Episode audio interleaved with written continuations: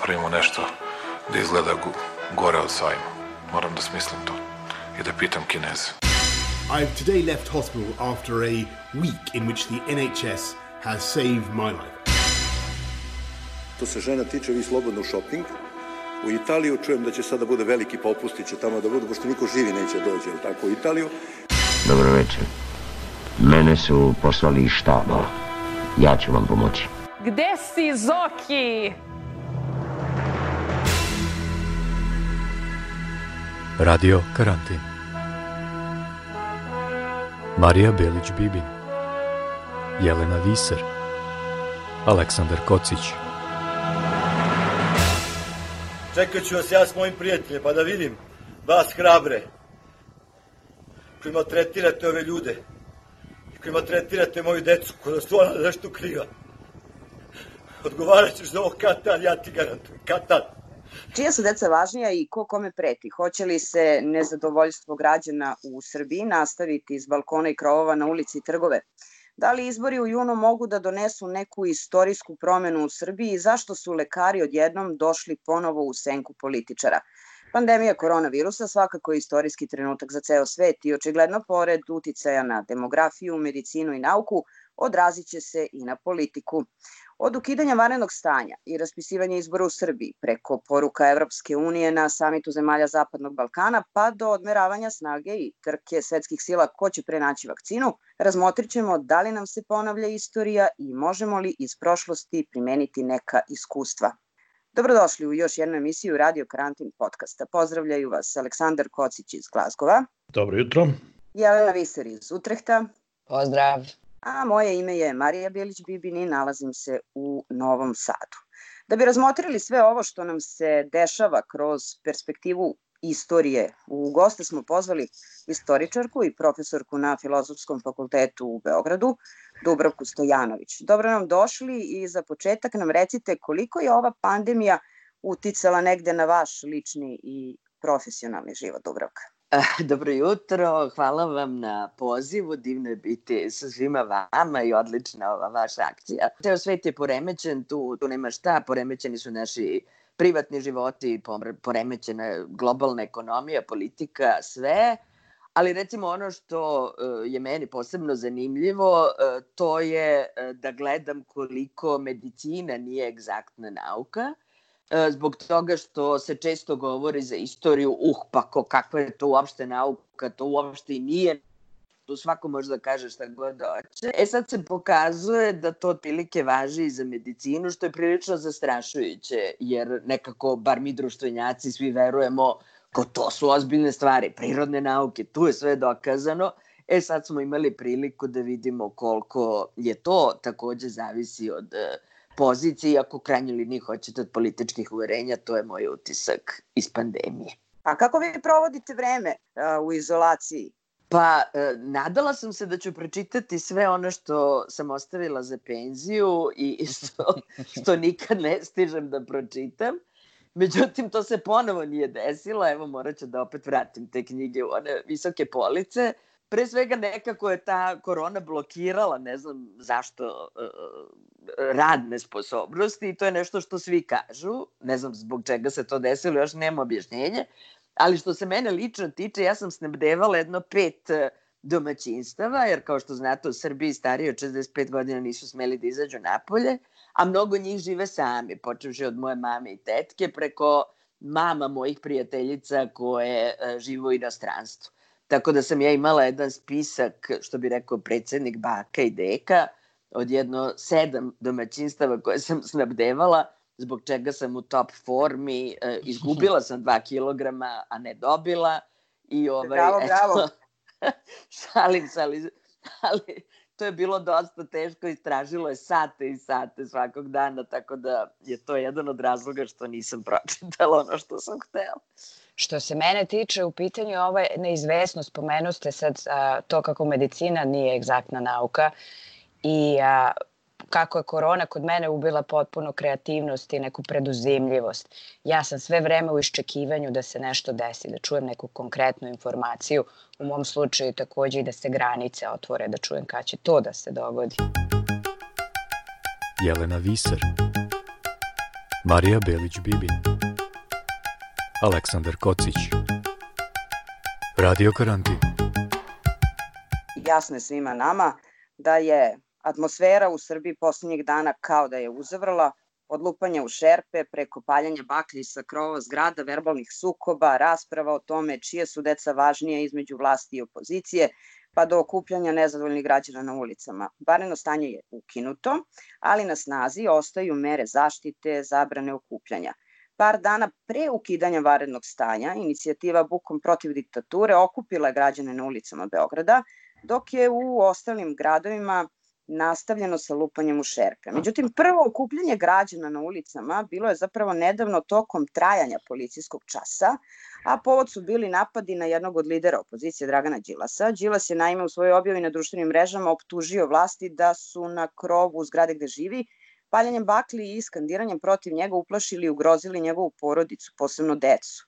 Predstavnici SNS odmah su izašli u javnost sa protiv tezom da su deca Aleksandra Vučića zapravo ta koja su ugrožena.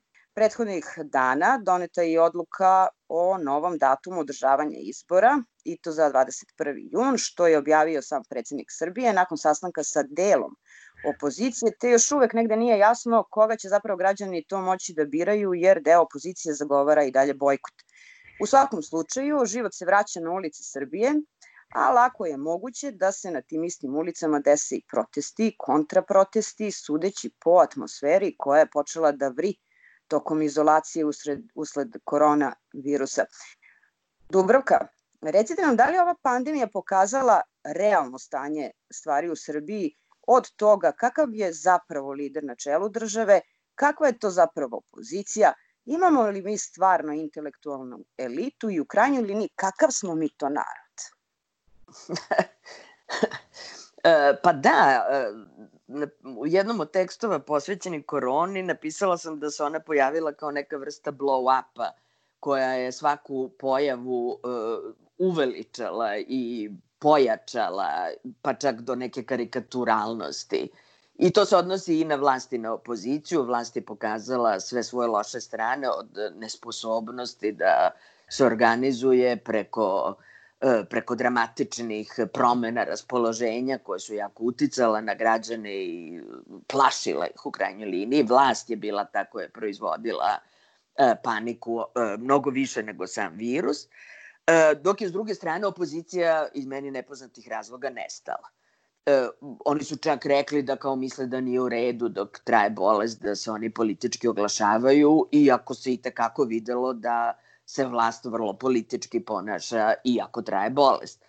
I sada mi imamo jednu situaciju da imamo nezadovoljne građane, taj bes je sada akumulirao, a opet nemamo opoziciju koja to ume da artikuliše. Evo, ni vlast ni opozicija očigledno nema neke, neke ozbiljne političke koncepte, plan, organizaciju, ideju, cilj, nego se tako ponašaju od trenutka do trenutka i to je sve jako, jako loše. A kada govorite o tome, jel možemo uopšte da pričamo o nekom emancipatorskom efektu korone, ako pretpostavimo da je tokom ove pandemije potpuno ogoljeno to ukoliko lošem stanju je sistem zdravstveni pre svega i a, koliko se vlast od početka neodgovorno ponela, jer možemo da računamo dugoročnije na neki pre svega socijalni bunt u Srbiji? Pa mi nismo baš bogati socijalnim buntovima, nažalost moram da zaključim i mi smo ono takozvano dno dosegli više puta počevši od kraja 80. godina pa se uvek pokaže da ima duplo dno ili trostruko dno i da nikako do tog dna da stignemo. Tako da e, to s tim socijalnim dnom i pobunom tu bi bila dosta rezervisana, jer ovde postoji jedna tradicija siromaštva, ideje imam hleb i mast e, ili što bi rekao Branko Kostić, ješćemo korijenje. Tako da tu nekih e, pre ovde se može očekivati neki politički bunt e, za koji su se napravili uslovi. Ja verujem da ih, je, da ih je pandemija pojačala, ali to mora neko da artikuliše. A opozicija je po ko zna koji put pokazala da to ne ume ili neće ili ja zaista ne razumem o čemu se radi. Dakle, ovde, ovo je bila neverovatna situacija za opoziciju i oni su uspeli da je ispuste, to već možemo da kažemo. A ako pričate o tim političkim promenama koje su možda, eto, moguće, koga vidite da bi bio nosilac tih promena? Tog političkog bunta zapravo? Ne mogu da kažem da nekog vidim. E, neka moja lična nada je bila da će doći do povezivanja ovih e, lokalnih pokreta koji imaju autoritet na lokalu i koji bi mogli da izađu na, na pre svega lokalne izbore i da tu nešto očekuju, ali vidimo da se oni sad povlače, da, da oni nisu raspoloženi da izađu na izbore. Ja mislim da, da ovaj Savez za Srbiju nema nikakve, na, nema nikakve šanse, e, pre svega i sami kažu da će da bojkotuju, pa ko bojkotuje onda, kako da vam kažem, onda ništa.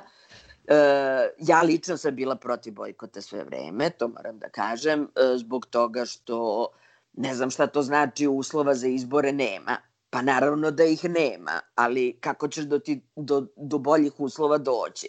Ja ne verujem da je bojkot i zapravo gašenje velikog broja opozicijonih stranaka posle bojkota način da se dođe do boljih izbora. Ja verujem u neprekidnu borbu. Mi smo uh, ovu emisiju počeli kratkim podsjećanjem na ono emotivno obraćanje Dragana Đilasa Aleksandru Vučiću od pre nekoliko dana.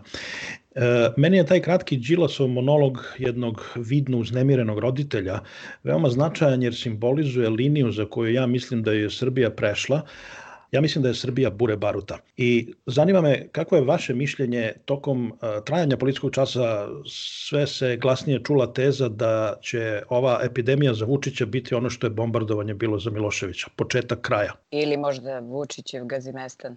Pa ja sam želala to da verujem, ali znate šta, mi smo 99. godine imali ozbiljne političke stranke koje su pre svega držale gradove koje su dobili na izborima 96. 7. izborile se za priznavanje tih rezultata višemesečnih demonstracijama. Prema tome, to je bila jedna neuporedivo ozbiljnija opozicija od ove i ja sam gotovo sigurna da Đinđić ne bi držao govor kao što je to učinio Đilas, e, da ne bi prešao tu granicu emotivnosti, pa ako hoćete i direktno psovanja predsednika, što je Đilas uradio, već da bi održao jedan zaista politički govor kojim bi se mogli građani identifikovati, jer smo mi svi prestravljeni od ideje da vam neko skače po krovu i pali baklje.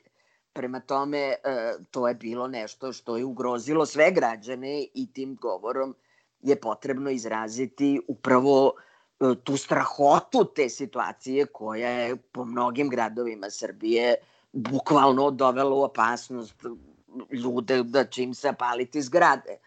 Tako da e, možda je Vučić uporediv sa Miloševićem, ali današnja opozicija teško da je uporediva sa onom koju smo imali 99. 2000. godine. Ja se negde slažem sa vama upravo na temu bojkota, isto ne vidim to kao dobro rešenje. I slažem se takođe, mislim da se svi mi slažemo da jeste to neko nezadovoljstvo građana sada tokom ove izolacije varenog stanja, posebno u svetlu policijskog časta, dostiglo jedan značajan nivo sa kojim može nešto da se uradi. E sad kako je uzavrela ta atmosfera, ja bih vas pitala da li vi mislite da postoji realna bojazan od, od građanskog rata u Srbiji, jer je negde moj utisak da su građani zapravo umorni. Umorni su od života, od politike da bi uopšte izlazili na ulice bez obzira na to nezadovoljstvo. Ili možda greši? Znate šta, građanski rat u Srbiji se priziva od 90. godine. I toga se vrlo dobro sećam silnih debata koje smo vodili i svi su stalno govorili sve sa ovo mora završiti građanskim ratom u Srbiji što je naravno e, e, najstrašnije što bilo kom društvu i bilo koje državi e, može da se dogodi. Ja sam tada govorila i to ponavljam. Ja nikad nisam videla tu drugu stranu. Jer vi morate da imate za građanski rat jaku drugu stranu. To još uvek mi nemamo. Dakle, ono što je ovde realnije očekivati je neka diktatura. Ozbiljna diktatura. Dakle, ovo su do sad sve uh, razne uh, razni autoritarni oblici vlasti sa medijima, intelektualcima, pretnje i tako dalje. To je sve autoritarno. Dakle, ono što je meni ovde nekako ima više elemenata e, za budućnost je neka diktatura iz koje onda može da proistekne neki budući gnevi, pobune i tako dalje, to, to ne možemo da govorimo. Ali ja ne vidim snagu te druge strane koja bi koja bi predstavljala taj građanski rat. Moj utisak je da će do građanskog rata zapravo doći kada režim počne da pada, a ne da će građanski rat dovesti do pada režima. I pod tim nekim sukobom, građanskim ratom, možda je to prejaka reč, podrazumevam uh, moju prognozu da će uh, doći do uh, fizičkih obračuna u Srbiji onda kada ove uh, gomile uplašenih ljudi počnu da se oslobađaju straha. Kada vide da više ne moraju da se boje svojih komšija koje su u stranci, da ne moraju da razmišljaju da li će sutra ostati bez posla i da će oni krenuti da se svete. I praktično da ćemo videti ono što je uh, ovaj sociolog Bakić zagovarao, jurićemo ih motkama po ulicama. To je moguće, naravno, ali to uh, je takođe jedna strašna predikcija. Biće naravno dobro da padne režim, ali kod nas svaki put pada režim na taj način. I to je ono što je strašno. Dakle, to znači svaki put da krećemo od nule, to znači svaki put da e, nove vlasti zaslužne za takozvano oslobađanje moraju da se naplate. To znači svaki put nove prvoborce, e, nove porodice koje moraju da se snabdeju. Dakle, a to je nešto što mi pratimo ovde od 90. godina 19. veka, da se razumemo sa dolaskom radikala Nikole Pašića na vlast postojala ta velika kampanja koja je trajala nekoliko godina koja, je zva, e, koja se zvala Veliki narodni odisaj. Dakle, to je bukvalno ono krici jauci kao u politici što je, što je bilo e, u odjecima i reagovanjima. Oni su počeli s tim i upravo su jurili motkama prethodne naprednjake, jahali ih, e, čupali brkove, palili im kuće. Dakle, to je ovde jedna, jedna konstanta, ne zato što je to naša sudbina, nikako, nego zato što e, dozvolimo da vlasti stignu do samog kraja na koje onda, posle kog kraja onda kreće ova osveta o kojoj vi govorite. Dakle, mi sami dopustimo vlastima, mi ne pružamo otpor kada autoritarnost krene. Mi ne štitimo institucije, medije ili pojedince kad postanu ugroženi. Ne, mi prepustimo to do kraja, e onda se mi pobunimo, onda sve srušimo i ajmo ground zero. Dakle, e, s takvom istorijom teško da možete da postignete ozbiljne rezultate. I, I onda tu još imamo i paradoks da u stvari uh, aktuelni diktator je jedini koji je došao uh, mirnim putem na demokratskim izborima na vlast. Otprilike to možemo da zaključimo. Da, kao što možemo da zaključimo i da je Toma Nikolić bio jedini ustavni predsednik ove zemlje. Po svemu. Dakle, on je i izašao iz stranke i on je mirno otišao s vlasti. Dakle, eto šta da vam kažem o toj zemlji. Tako. A ili imate bar neku teoriju zašto je to tako? Ako kažete nije nam to sudbina, A, I nismo ni pretjerano tolerantno društvo, pa eto kao sad puštamo ljude da rade kako misle da treba. Zašto? Zašto se uvek tako ide do kraja, negde do krajnosti, pa se iz te krajnosti onda vuče nešto? Pa imam teoriju, naravno da imam teoriju. Teorija je da je društvo slabo, odnosno da iz mnogih razloga u koje spadaju i spoljno-politički razlozi, naravno, e, društvo nikada nije imalo vremena da sazre do one mere da imamo nezavisne društvene slojeve. Jer ako pogledate, mi nikada u istoriji nismo imali nezavisne društvene slojeve. Dakle, mi nikada nismo imali ozbiljne industrijalce koji ne zavise od države ovde smo imali neku sitnu industriju u raznim fazama, osim naravno socijalizma, ali to je opet bilo državno, neku sitnu industriju koja je potpuno zavisila od dila sa državom, to je sa vladajućom strankom. Mi nismo imali čak ni veliki zemljišni posed, pa da kažete imate, ne znam, latifundije. Ne, ni to nismo imali. Imali smo sitni zemljišni posed. Dakle, e, intelektualci nisu bili ni na koji način nezavisni, uvek su živeli od državne plate. Prema tome, vi nemate nezavisnih društvenih slojeva koji imaju snagu da ograničavaju državu. To je njihova funkcija u razvijenim zemljama. Mi to prosto nismo imali, nego svaki društveni sloj koji je još po defaultu i relativno siromašan, čim se pojavi nova garnitura na vlasti, gleda da napravi deal. I na taj način mi uvek dobijemo partijsku državu, dakle opet ne zbog sudbine, nego zbog interesa društva da se preko vladajuće stranke bolje plasira dobije kredite povoljnije, dobije državne subvencije, dobije sve što je potrebno i napravite iznutra partijsku državu. I to su, nažalost, napravile vlasti i posle 2000. godine. Dakle,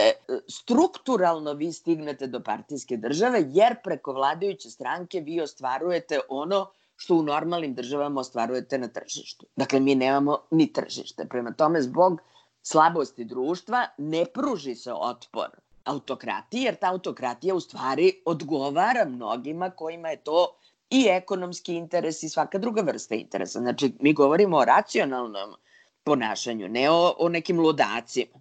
Tome je problem. Mi ćemo sada čujemo uh, ličnu priču koje mi inače emitujemo u okviru ove naše emisije.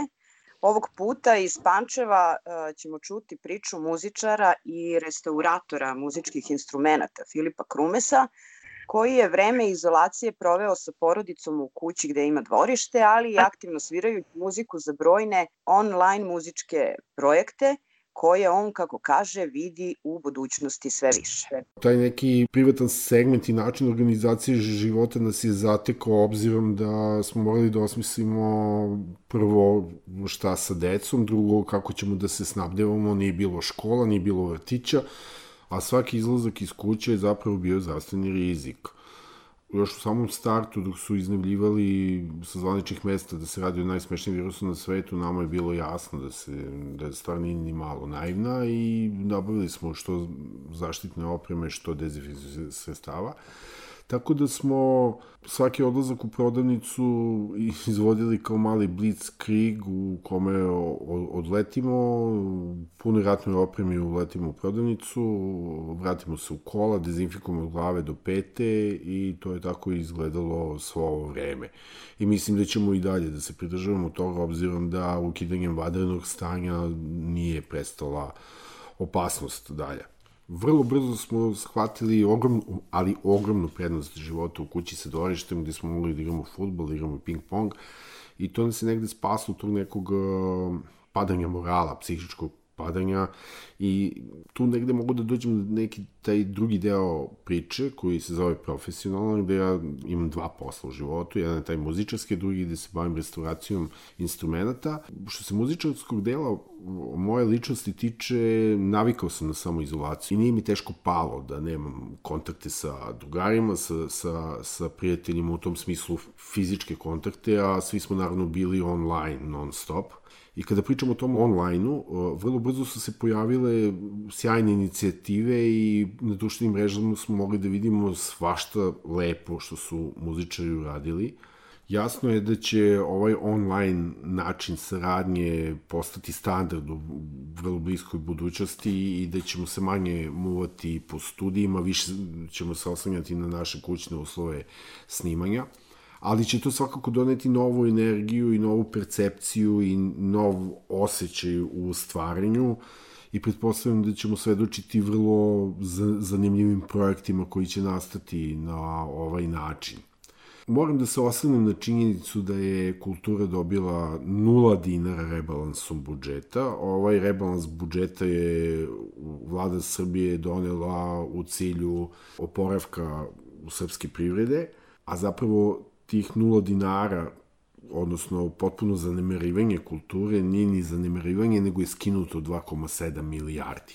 I za kraj dolazimo do priče koja mene najviše ljudski pogađa, a to je potpuna egzistencijalna neizvesnost ne samo umetnika, nego i svih ljudi zaposlenih honorarno u kulturi, Mi muzičari jako dobro znamo koliko zavisimo od dobrih tonaca, nisu tu samo tonci, tu su i scenografi, tu su kostimografi u pozorištima, tu su jedna armija ljudi koje ostala bez mogućnosti da zaradi. Ovde pričamo o ljudima koji su honorarci, koji su freelanceri. Ja se nadam da će ovo društvo shvatiti koliki je ovo problem, koliko je važno očuvanje nacionalnog kulturnog identiteta i koliko su ti ljudi dali sebe za očuvanje naše kulture i da će smoći snage da im nekako pomogne.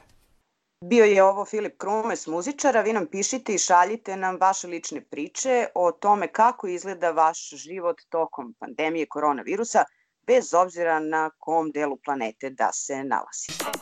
Marija Belić-Bibin, Jelena Viser, Aleksandar Kocić, Radio Karantin. Evropska unija odvojit će 3,3 milijarde evra pomoći Zapadnom Balkanu za oporavak od posledice pandemije COVID-19. Na video samitu Evropske unije i Zapadnog Balkana, Evropska unija je, osim važnosti saradnje u savlađivanju pandemije, naglasila važnost ekonomske saradnje zemalja u regionu. Predsednik Saveta Evrope Charles Michel uopšteno je posle sastanka govorio o važnosti nastavka reformi, vladavini prava, demokratskim vrednostima, borbi protiv korupcije. Rekao je i da pozdravlja odluku Evropske unije o otvaranju pregovora sa Severnom Makedonijom i Albanijom. O proširenju dalje nije bilo reči.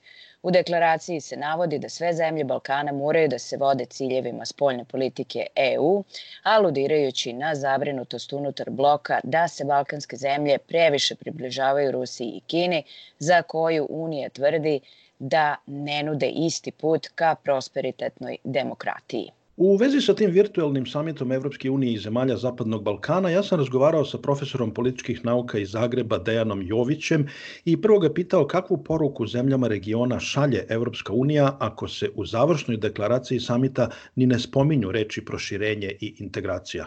Ja mislim da su to e, dvije ambivalentne poruke. S jedne strane, poruka ohrabrenja samom činjenicom da je samit održan, čak i u ovako teškim okolnostima, ali ipak, u, makar i u virtualnom obliku, da je, dakle, da je kontinuitet održan. Dakle, to je dobra poruka.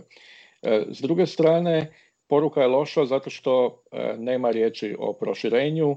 E, očigledno je da je u ovom trenutku Evropska unija koja se nalazi pred, ja bih rekao, više strukom krizom, koja ima možda šest ili sedam elemenata, bacila pitanje proširenja Zapadnog Balkana možda u šesti ili sedmi plan. Samo da podsjetim, dakle, Europska unija sada ima problem pandemijske krize, ima problem ekonomske krize koja slijedi u čitavom nizu zemalja, posebno u zemljama u okruženju Zapadnog Balkana, na, u jugu, na jugu Europe, ima pitanje e, upravljanja u kriznim situacijama koje je dosta ozbiljno otvoreno i koje dovodi u pitanje neke od glavnih tekovina Europske unije.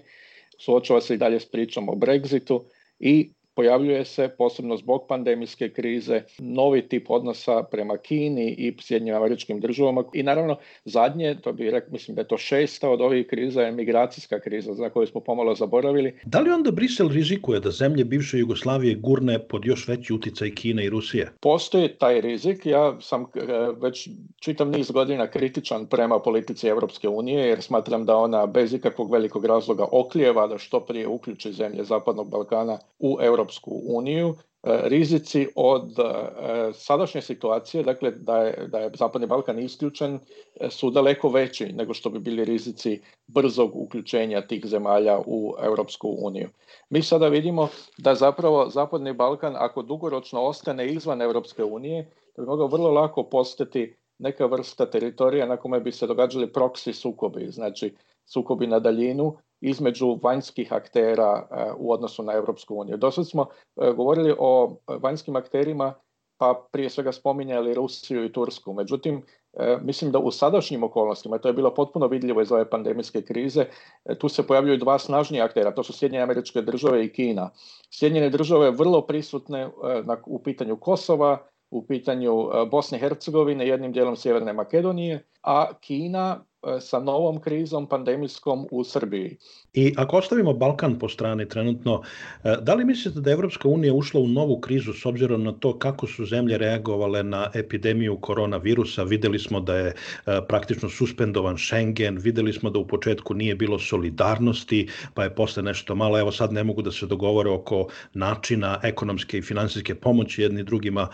Može li Evropska unija iz ovoga da izađe jača? To naravno ovisi o tome kako će e, shvatiti pouke iz ovog slučaja. E, uzmemo tu dva scenarija. Jedan je taj da ojačaju e, suverenističke snage. Mi smo već vidjeli u čitom nizu zemalja, dakle to više sad nije samo Mađarska, nego kao što ste i sami rekli, skoro sve druge zemlje su zatvorile, zapravo sve su zatvorile granice i vrlo brzo poništile neke, neke od glavnih dostignuća procesa europskih integracija. Znači, ako, se, ako pouka bude da su nam ostale jedino nacionalne države koje mogu razrešiti krizu i zaštititi građane, onda bojim se da od Europske unije, da Europska unija nema neku znači, veću budućnost. S druge strane, ja mislim da bi Europska unija dobro učinila za sebe kad bi ovu krizu pandemijsku predstavila na sljedeći način, da kaže Ovdje je prijetnja globalna, a žrtve su pojedinci. Dakle, država niti može zaštititi do kraja pojedinca od globalne prijetnje, niti može sama razriješiti krizu koja je očigledno globalna. Jelena Viser Marija Belić-Bibin Aleksandar Kocić Radio Karantin Čuli smo na čemu Evropska unija uporno insistira. Nacionalistička retorika na Balkanu je tokom pandemije utihnula.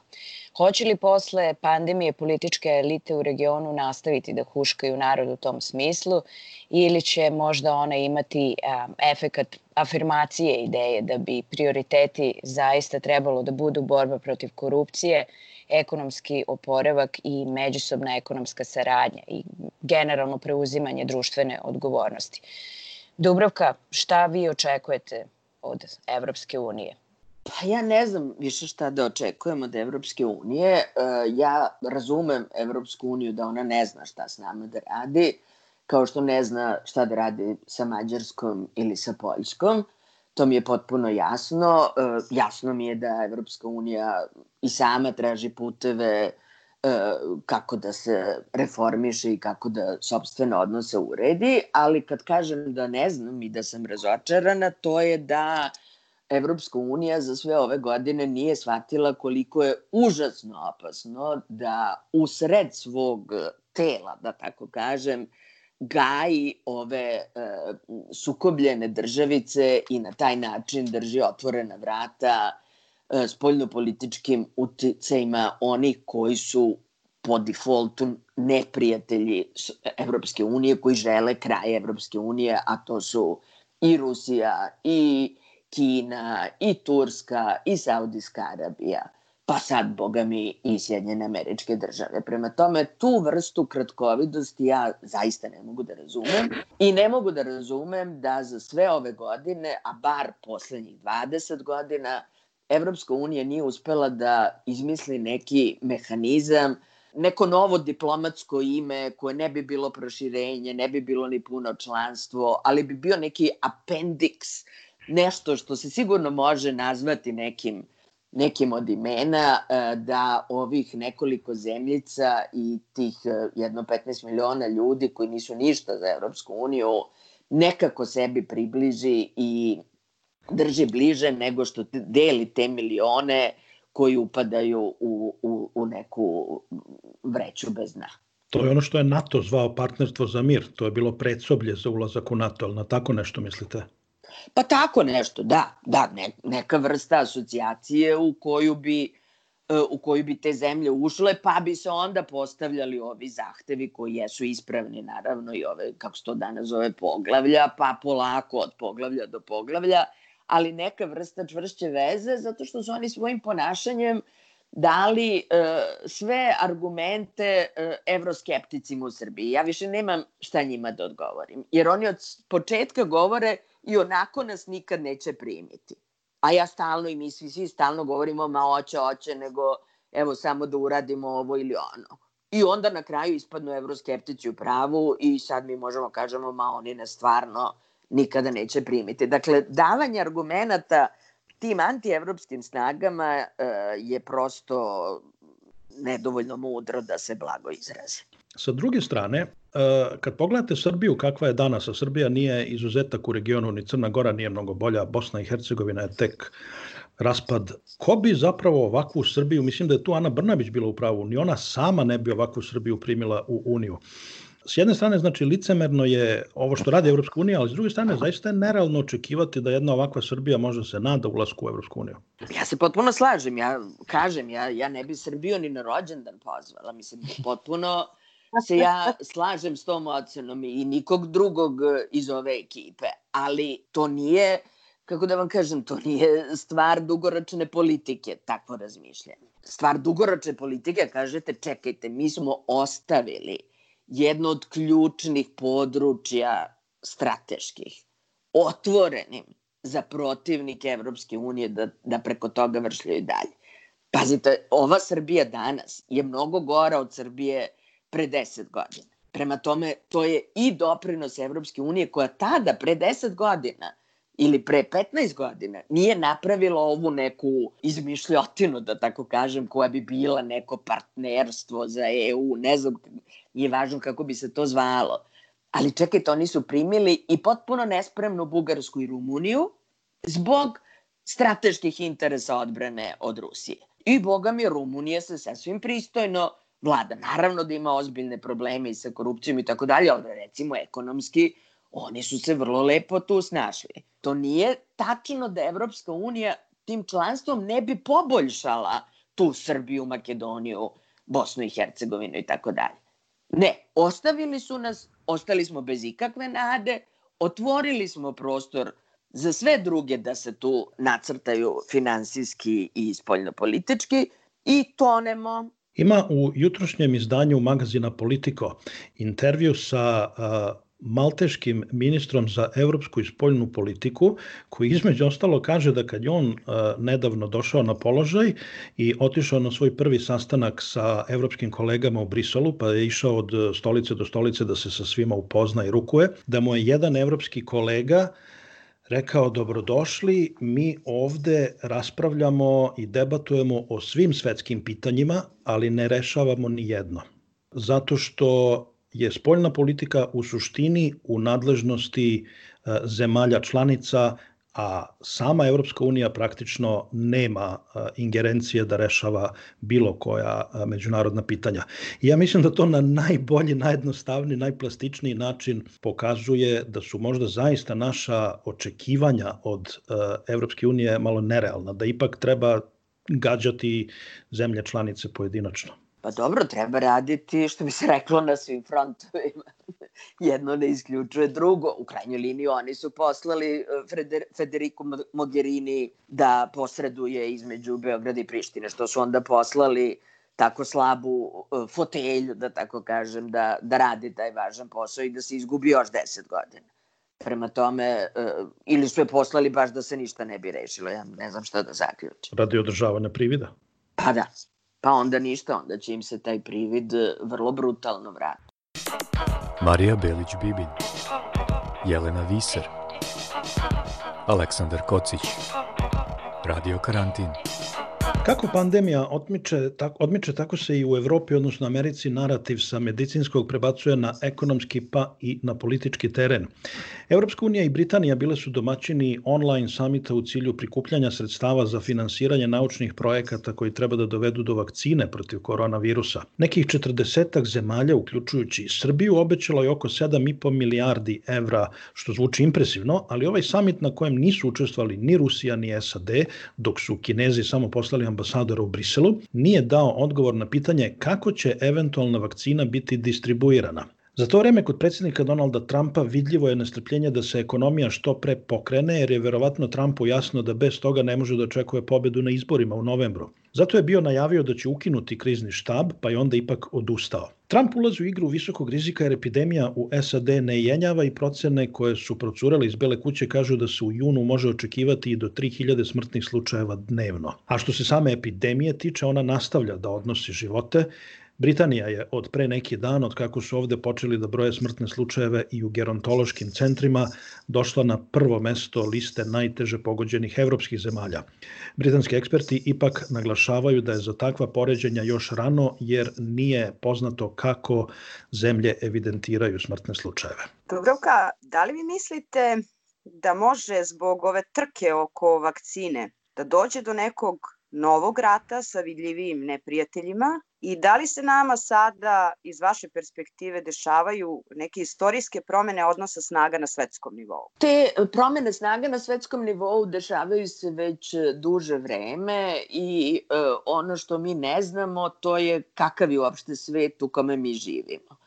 Dakle, otprilike od rimskog carstva pa e, do 11. septembra E, mi smo mogli da govorimo o nekom jasnoj svetskoj e, politici gde imamo ili jednu dominantnu veliku silu ili, uh, ili blokove velikih sila koji onda dođu u sukob pa dođe do, do velikog evropskog ili svetskog rata. Mi se sad prvi put posle 11. septembra nalazimo u situaciji multifokalnog sveta gde imamo snažne tačke na raznim mestima u svetu i e, niko niko ne može u takvom svetu da se snađe i često, pošto je to predmet koji ja predajem na fakultetu, istorija globalizacije, često sa studentima uh, diskutujemo o tome da li sada hladni rat izgleda kao jedno divno zlatno doba uređenih odnosa, gde smo tačno znali ko je za koga i kako se stvari u čitavom svetu odvijaju. Dakle,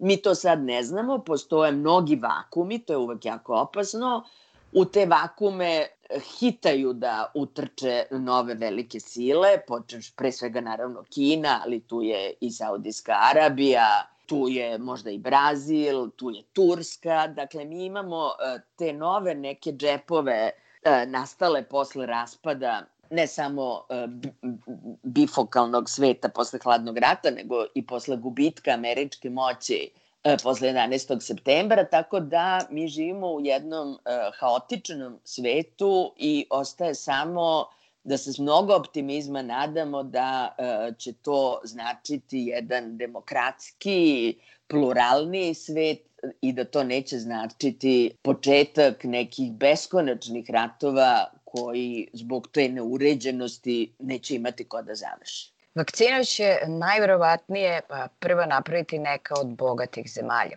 osim ako nas ministar Lončar sve ne iznenadi umeđu vremenu.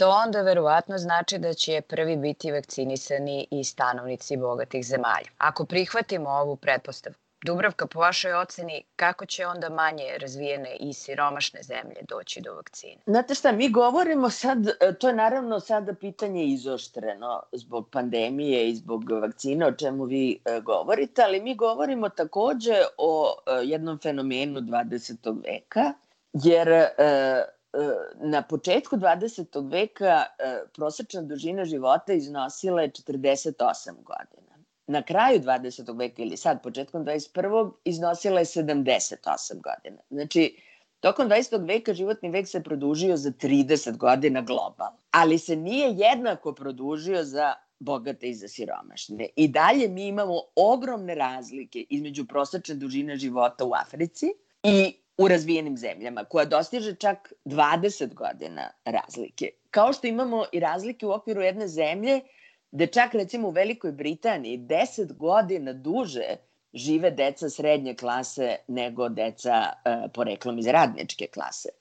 Tako da to su stvari o kojima se redko govori, a koje su e, direktna posledica napuštanja koncepta socijalne države i e, prelaska na minimalnu neoliberalnu državu koja smatra da je zdravlje njenih građana njihova privatna stvar. I e, to će se sada jako zaoštriti sa ovom krizom i pitanje je da li će svet, pa da li će razvijene zemlje umeti da daju novi odgovor, koji nisu umele da daju na krizu 2008. godine, nego su zadržale i mere štednje i minimalnu državu, jako je bilo jasno da su krahirali. Dakle, da li će sada uspeti da daju jedan novi odgovor, koji će potencijalno svet odvesti u novo zlatno doba kako smo imali recimo posle drugog svetskog rata ili će ostati na svom starom odgovoru što će biti znak da smo u još dubljoj krizi nego što mislimo, odnosno da smo u krizi gde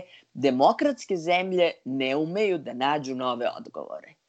Dakle, svi stalno govore demokratija je uvek u krizi, da, ona je uvek u krizi, ali samo zato što ume da daje stalno nove odgovore i da preživi te krize. Ako budu ponovo dali isti odgovor, odnosno upravo ovo što ste vi rekli, ako se vakcina ne podeli, ne distribuira ravnomerno, ako ne dođe do promene generalnog koncepta kapitalizma, bojim se da je kriza još mnogo dublja nego što je mi vidimo da. Sada ćemo čuti jednu ličnu priču koja nam stiže od džez muzičara Milana Petrovića, koji se trenutno nalazi na prekookeanskom brodu stacioniranom na Tenerifima. Milan kaže da se na brodu poštuju stroge mere zaštite, a da je ovaj brod inače pokuplju ljude sa pet drugih kruzera i očekuje da se do sredine maja vrati u Beograd. Ja sam Milan Petrović, klavijaturista iz Beograda. Moje trenutno putovanje je negde između portugalske obale i Hamburga, što je krajnja destinacija i nadamo se da ćemo negde sa otvaranjem Beogradskog aerodroma da se vratimo, što će reći znači negde oko 18. maja trenutno. Na putu sam od početka februara. Ugovor je trebao da se završi 12. aprila, ali zbog cele ove situacije odužuje se. Od, dakle, od početka te krize bili smo u vrlo kontrolisanim uslovima, poštovao se taj social distance, imali smo stalne provere temperature, bili smo u posebnim kabinama i uspeli smo da izguremo sve to do kraja bez bilo kakvih zdravstvenih problema i bez toga da bilo ko od nas ima virus.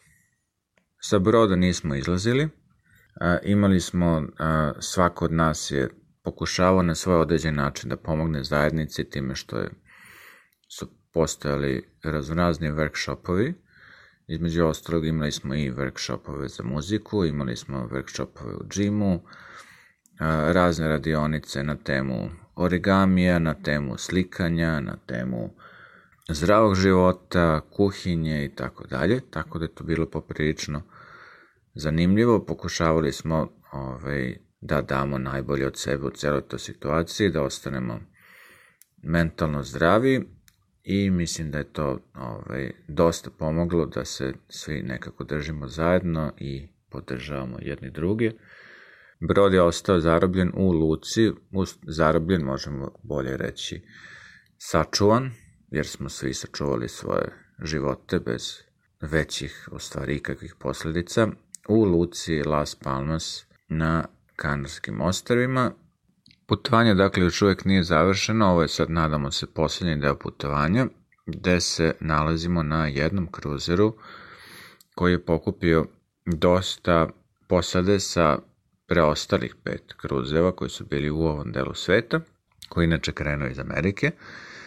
I tu se nalazi još naših državljana i puno naših kolega, jedno pet, šest bendova iz Srbije, iz a, a, Mađarske pre svega, Slovačke i tako dalje. I to je jako, jako lepo organizovano, takođe imamo program, takođe se prati taj social distance, a, prate se, vrlo, vrlo se prate ozbiljne higijenske mere i evo, nadamo se da će se ta kriza završiti. Pozdrav svima. Bio je ovo Milan Petrović koji se nalazi u karantinu na kruzeru, a vi nam šaljite vaše lične priče bilo putem e-maila na radiokarantin.podcast.gmail.com ili preko ove SoundCloud stranice na koje nas slušate ili preko naših stranica na društvenim mrežama. Radio Quarantine. Mi u najavi Radio Karantin podcasta kažemo da čovečanstvo sada živi istoriju. Kada govorimo o epidemijama i pandemijama kroz istoriju ljudske vrste, govorimo o krucijalnim događajima koji su često menjali čovečanstvo od demografskog, ekonomskog do državno-pravnog konteksta – od Homerovih beleški kuge u Ilijadi Odiseji, koja je odnela na desetine hiljada života i dovela do kraha zlatnog doba Atine i atinske demokratije, preko crne kuge u Evropi u 14. veku, zatim pegavog tifusa 1915. koji je u Srbiji odneo oko 150.000 života, španski groznici između dva svetska rata preko HIV-a, SARS-a i evo nas danas kod COVID-19. Dakle, epidemije i pandemije su u istoriji čovečanstva prisutne odavno, Odnosile su mnoge živote, menjale su društva, pa čak i same države. Dubravka, da li smo mi pandemiju COVID-19 mogli da predvidimo? Možemo li je okarakterisati kao ponavljanje istorije ili je ova pandemija ipak jedinstven slučaj čak i za istoriju? Svi kažu da e, su odavno postojala upozorenja i Svetske zdravstvene organizacije i drugih organizacija da se pandemija mora desiti. I o tome su govorile i, pan, e, i epidemije SARS-a i, e, i druge epidemije. Dakle, postalo je jasno da zbog klimatskih promena, zbog e, širenja gradova, zbog krčenja šuma, zbog svega tome da, da ne govorimo, menja se taj neki ekosistem i dovodi do do novih zaraza i do stvaranja novih, do stvaranja novih virusa. Tako da mi smo bili upozoreni, ali naravno niko nije mogao da zamisli nešto ovako što se desilo. E sad, zašto niko nije mogao ovo da zamisli? Zašto je ovo jedinstveno? Ovo je jedinstveno zato što je prvi put se desilo u jednom ovako povezanom svetu. Dakle, sve ste, vi ste dobro pomenuli prethodne velike epidemije, tu nema ničeg novog, to smo imali od antičkih vremena i one su menjale ili nisu menjale svet, ali sada prvi put imamo uh, globalni svet koji je povezan uh, na način da je, eto, jedan virus ga je obigrao za manje od mesec dana i stigao skoro svuda. Prema tome, e, e, ako ništa drugo, ovaj virus je dokazao koliko je svet promenjen i ima onih analitičara koji govore da je ovo kraj globalnog sveta, da će se sad svi zatvoriti, da, da se više onakvo e, ujedinjavanje, objedinjavanje sveta neće ponoviti. Ja mislim da je to pogrešno, pre svega zbog toga što je proces globalizacije u stvari veoma dug. On je počeo još sa imperialnim politikama evropskih država krajem 19. veka. E, svet je čvrsto objedinjen i ako ne nađe zajednički odgovor na ovu krizu, ako ne shvati da je zajednički ugrožen, onda, e, onda se bojim da se možemo suočiti sa mnogim novim problemima. U okviru ove emisije rešili smo da odeberemo i napravimo kolaž muzičara klasične muzike, koji su u ovoj novoj online formi organizovali virtualno okupljanje iz svih krajeva sveta i upriličili virtualne, kako ih nazivaju, karantinske nastupe. To me, this piece is an outpouring of love.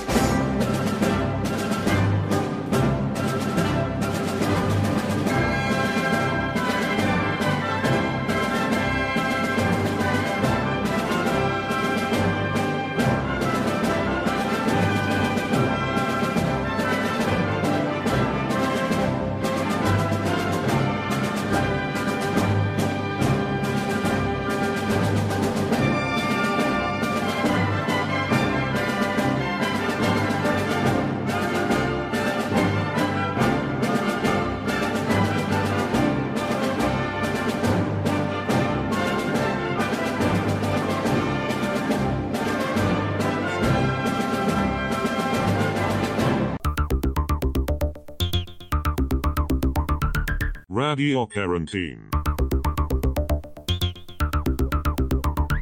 E sad dolazimo i do uh, samog kraja naše emisije uh, Šlag na torti jeste uh, institucija sama za sebe koja je specifična za ovo podneblje, zove se kafana.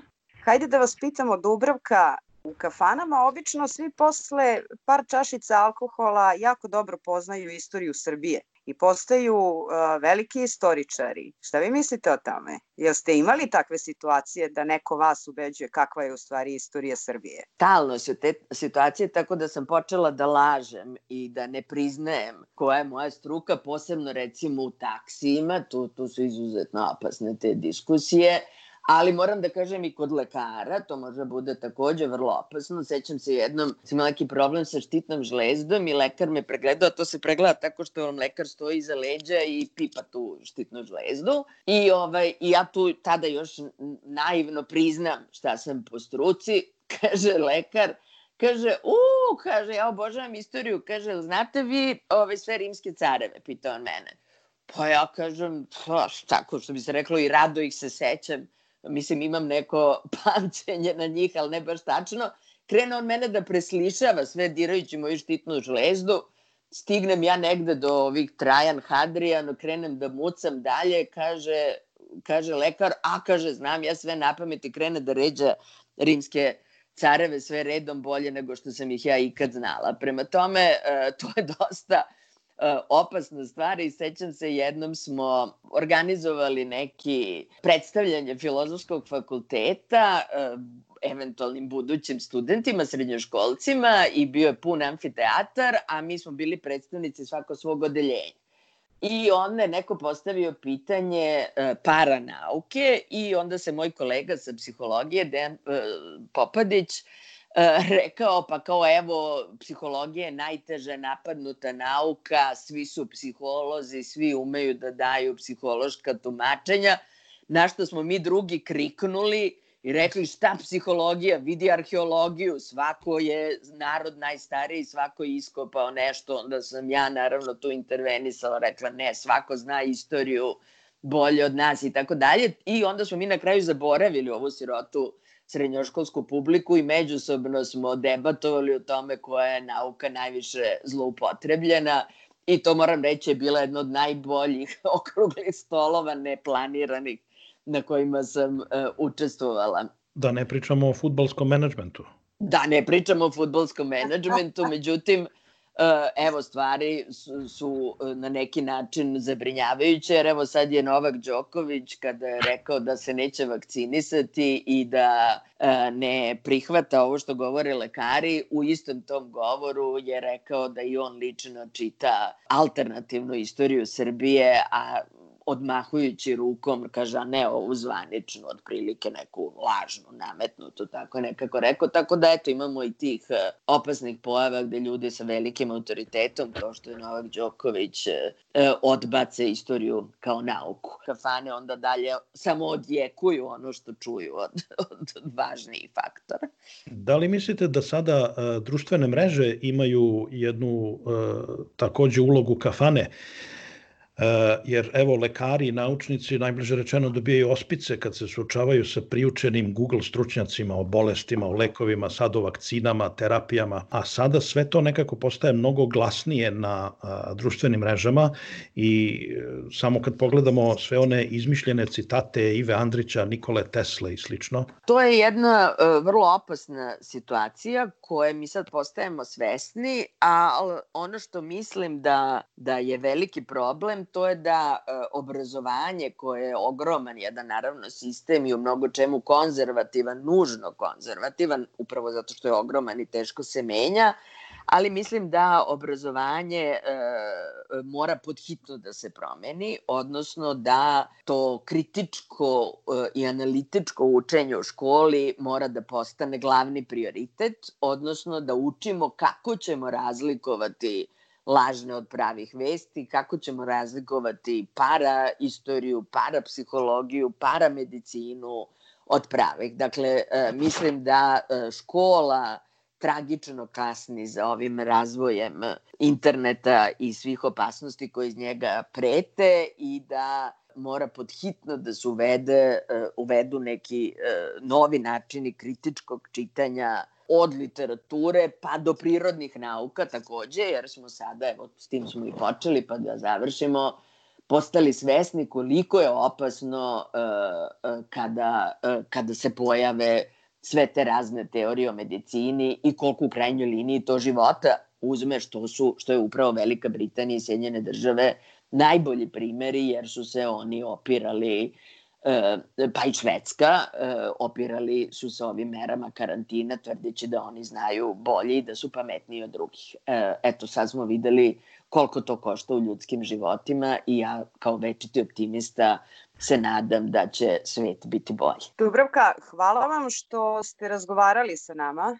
Bila je ovo još jedna emisija Radio Karantin podcasta gde nam je gošća bila dakle istoričarka i profesorka na Filozofskom fakultetu u Beogradu Dubravka Stojanović sa kojom smo zavirili u istorijski aspekt kroz neka stara i nova iskustva kada su u pitanju dešavanja koja prosto prate pandemiju koronavirusa. Pozivamo vas da nam šaljete vaše lične priče e, o tome na koji način vi živite ovaj istorijski trenutak, ma gde god se nalazili. Pišite nam na naš e-mail radiokarantin.podcast.gmail.com, a možete nas kontaktirati i na našim stranicama na Soundcloudu ili Facebooku. Do sledećeg slušanja. Pozdravljaju vas autori emisije Aleksandar Kocić, Jelena Viser, Marija Belić-Bibin i tehnička realizacija Ivan Tomić. Slušajte Radio Karantin. Marija Belić-Bibin, Jelena Viser, Aleksandar Kocić, Radio Karantin.